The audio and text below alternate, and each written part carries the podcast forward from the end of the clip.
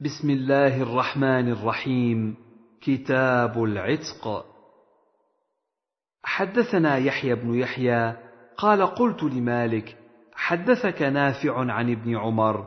قال قال رسول الله صلى الله عليه وسلم من أعتق شركا له في عبد فكان له مال يبلغ ثمن العبد قوم عليه قيمة العدل فأعطى شركاءه حصصهم. وعتق عليه العبد وإلا فقد عتق منه ما عتق.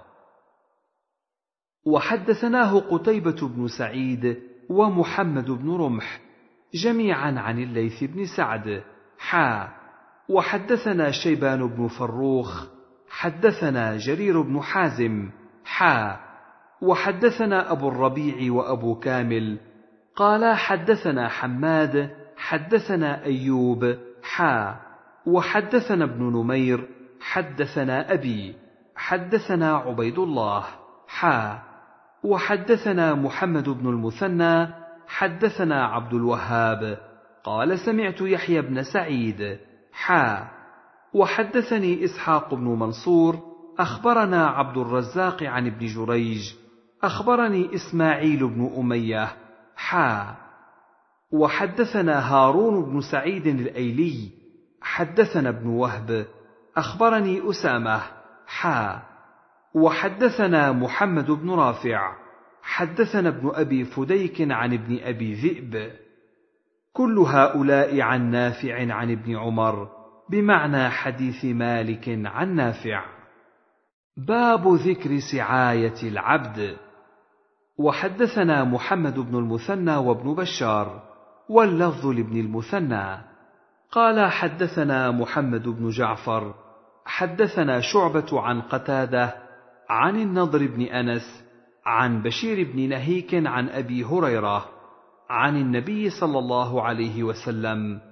قال في المملوك بين الرجلين فيعتق أحدهما قال يضمن.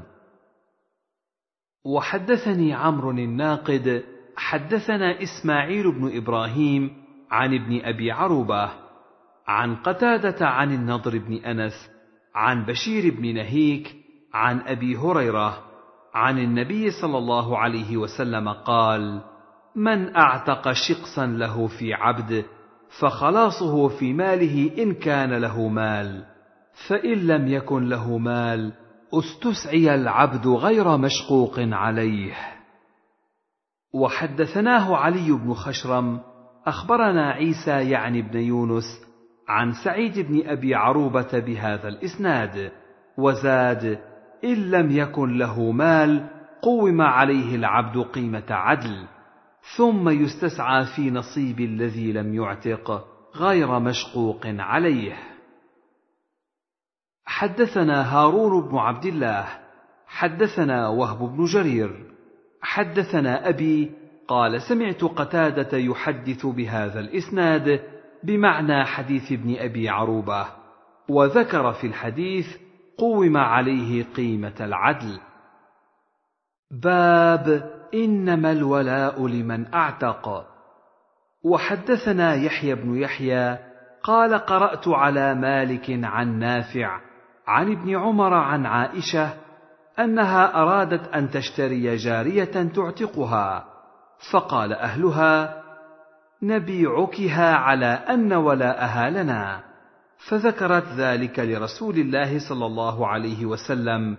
فقال لا يمنعك ذلك فإنما الولاء لمن أعتق.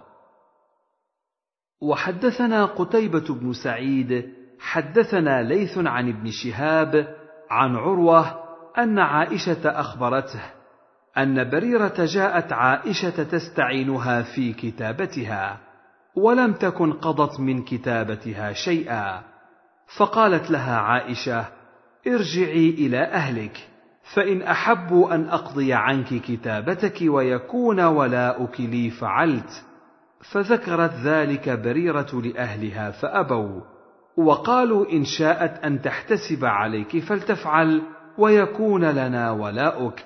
فذكرت ذلك لرسول الله صلى الله عليه وسلم. فقال لها رسول الله صلى الله عليه وسلم ابتاعي فأعتقي فإنما الولاء لمن أعتق.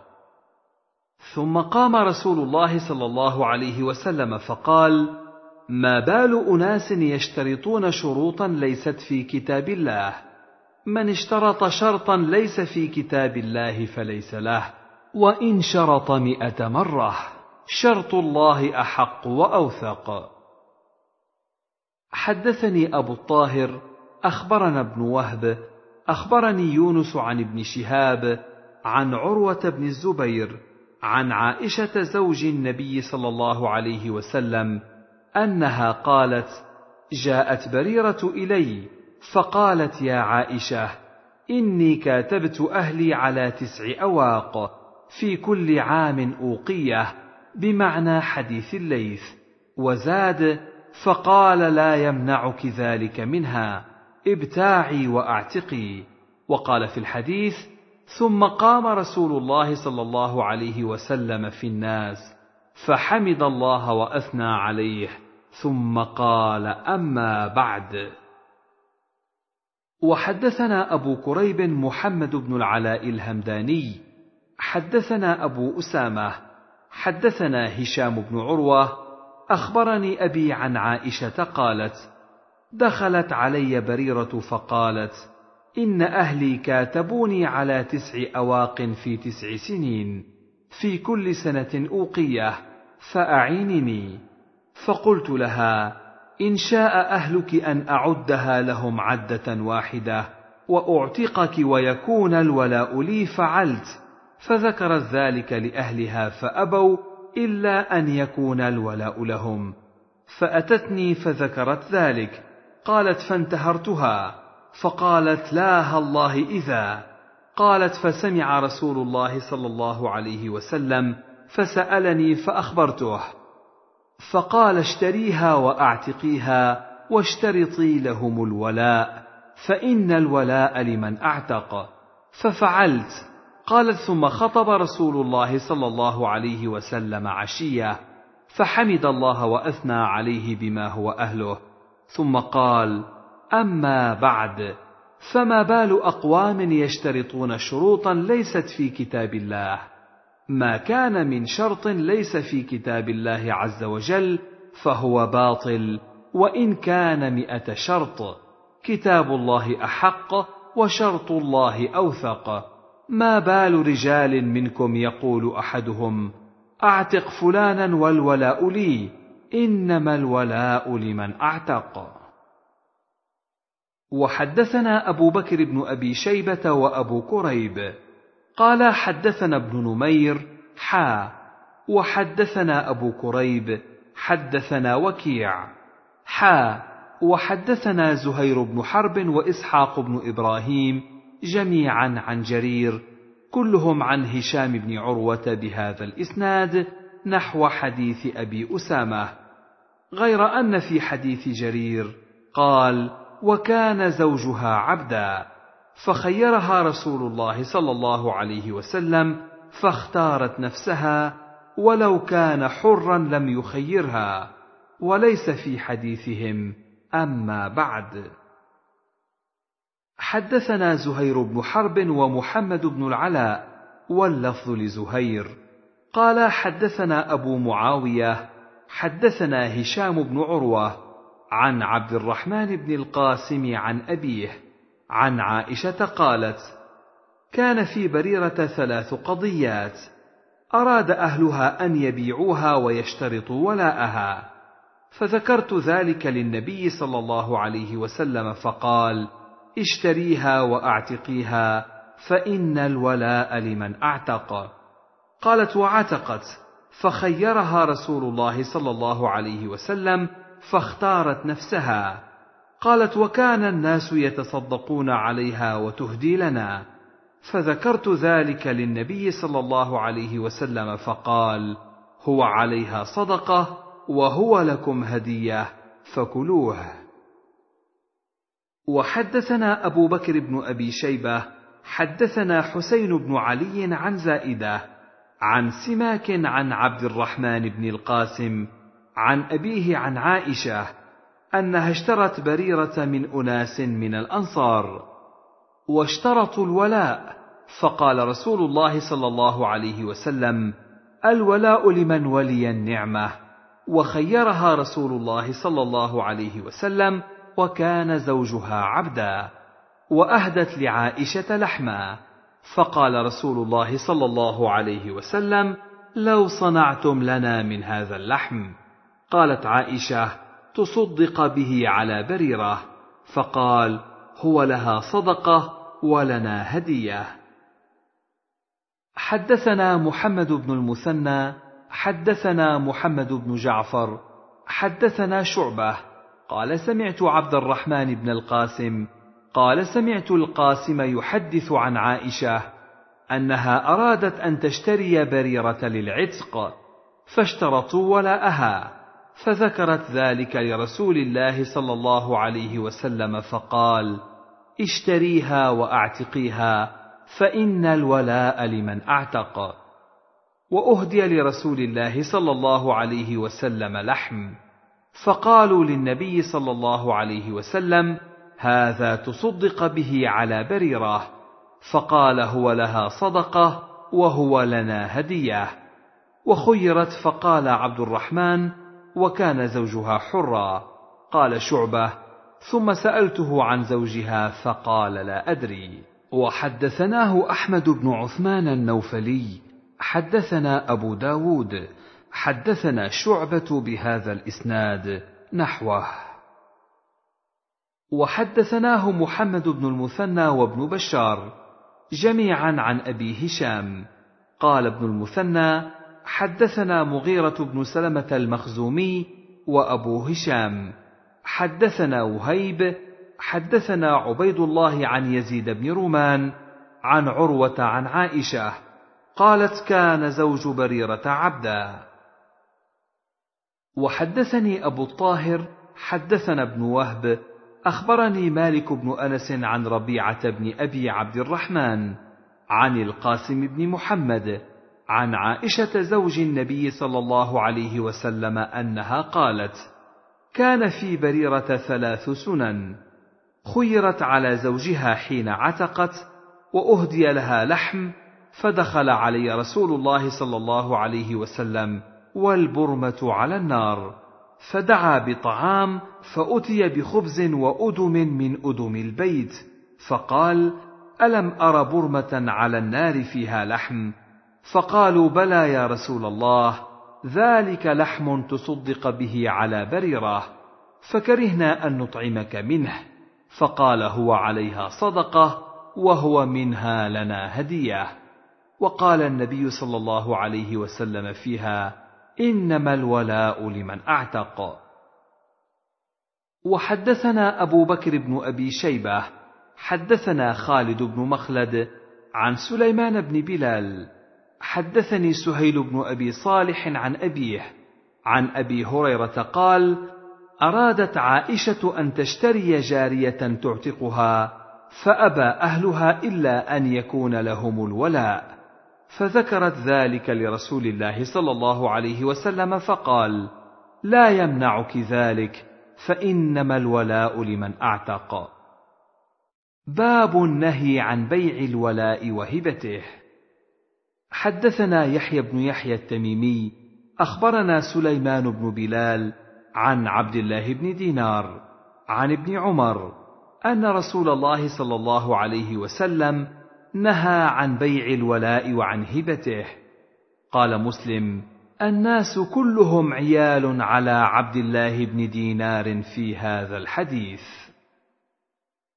وحدثنا أبو بكر بن أبي شيبة وزهير بن حرب قال حدثنا ابن عيينة حا وحدثنا يحيى بن أيوب وقتيبة وابن حجر قالوا حدثنا إسماعيل بن جعفر حا وحدثنا ابن نمير حدثنا أبي حدثنا سفيان بن سعيد حا وحدثنا ابن المثنى حدثنا محمد بن جعفر حدثنا شعبة حا وحدثنا ابن المثنى قال حدثنا عبد الوهاب حدثنا عبيد الله حا. وحدثنا ابن رافع حدثنا ابن أبي فديك أخبرنا الضحاك يعني ابن عثمان كل هؤلاء عن عبد الله بن دينار عن ابن عمر عن النبي صلى الله عليه وسلم بمثله. غير أن الثقفي ليس في حديثه عن عبيد الله إلا البيع. ولم يذكر الهبة. باب تحريم تولي العتيق غير مواليه. وحدثني محمد بن رافع حدثنا عبد الرزاق أخبرنا ابن جريج أخبرني أبو الزبير أنه سمع جابر بن عبد الله يقول كتب النبي صلى الله عليه وسلم على كل بطن عقولة. ثم كتب أنه لا يحل لمسلم أن يتوالى مولى رجل مسلم بغير إذنه. ثم أخبرت أنه لعن في صحيفته من فعل ذلك. حدثنا قتيبة بن سعيد حدثنا يعقوب يعني ابن عبد الرحمن القاري عن سهيل عن أبيه عن أبي هريرة أن رسول الله صلى الله عليه وسلم قال من تولى قوما بغير إذن مواليه فعليه لعنة الله والملائكة. لا يقبل منه عدل ولا صرف.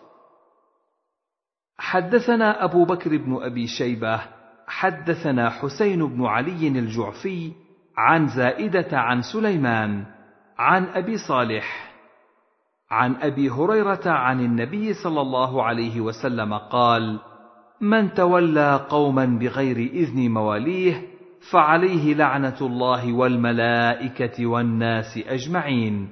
لا يقبل منه يوم القيامة عدل ولا صرف. وحدثنيه إبراهيم بن دينار حدثنا عبيد الله بن موسى حدثنا شيبان عن الأعمش بهذا الإسناد غير أنه قال ومن والى غير مواليه بغير اذنهم. وحدثنا ابو كريب حدثنا ابو معاويه حدثنا الاعمش عن إبراهيم التيمي عن ابيه قال خطبنا علي بن ابي طالب فقال من زعم أن عندنا شيئا نقرأه إلا كتاب الله وهذه الصحيفه قال وصحيفة معلقة في قراب سيفه. فقد كذب. فيها أسنان الإبل وأشياء من الجراحات. وفيها قال النبي صلى الله عليه وسلم المدينة حرم ما بين عير إلى ثور فمن أحدث فيها حدثا أو آوى محدثا فعليه لعنة الله والملائكة والناس أجمعين. لا يقبل الله منه يوم القيامة صرفا ولا عدلا.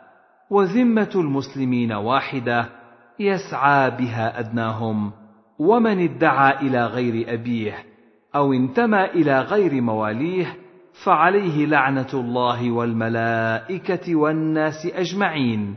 لا يقبل الله منه يوم القيامة صرفا ولا عدلا. باب فضل العتق.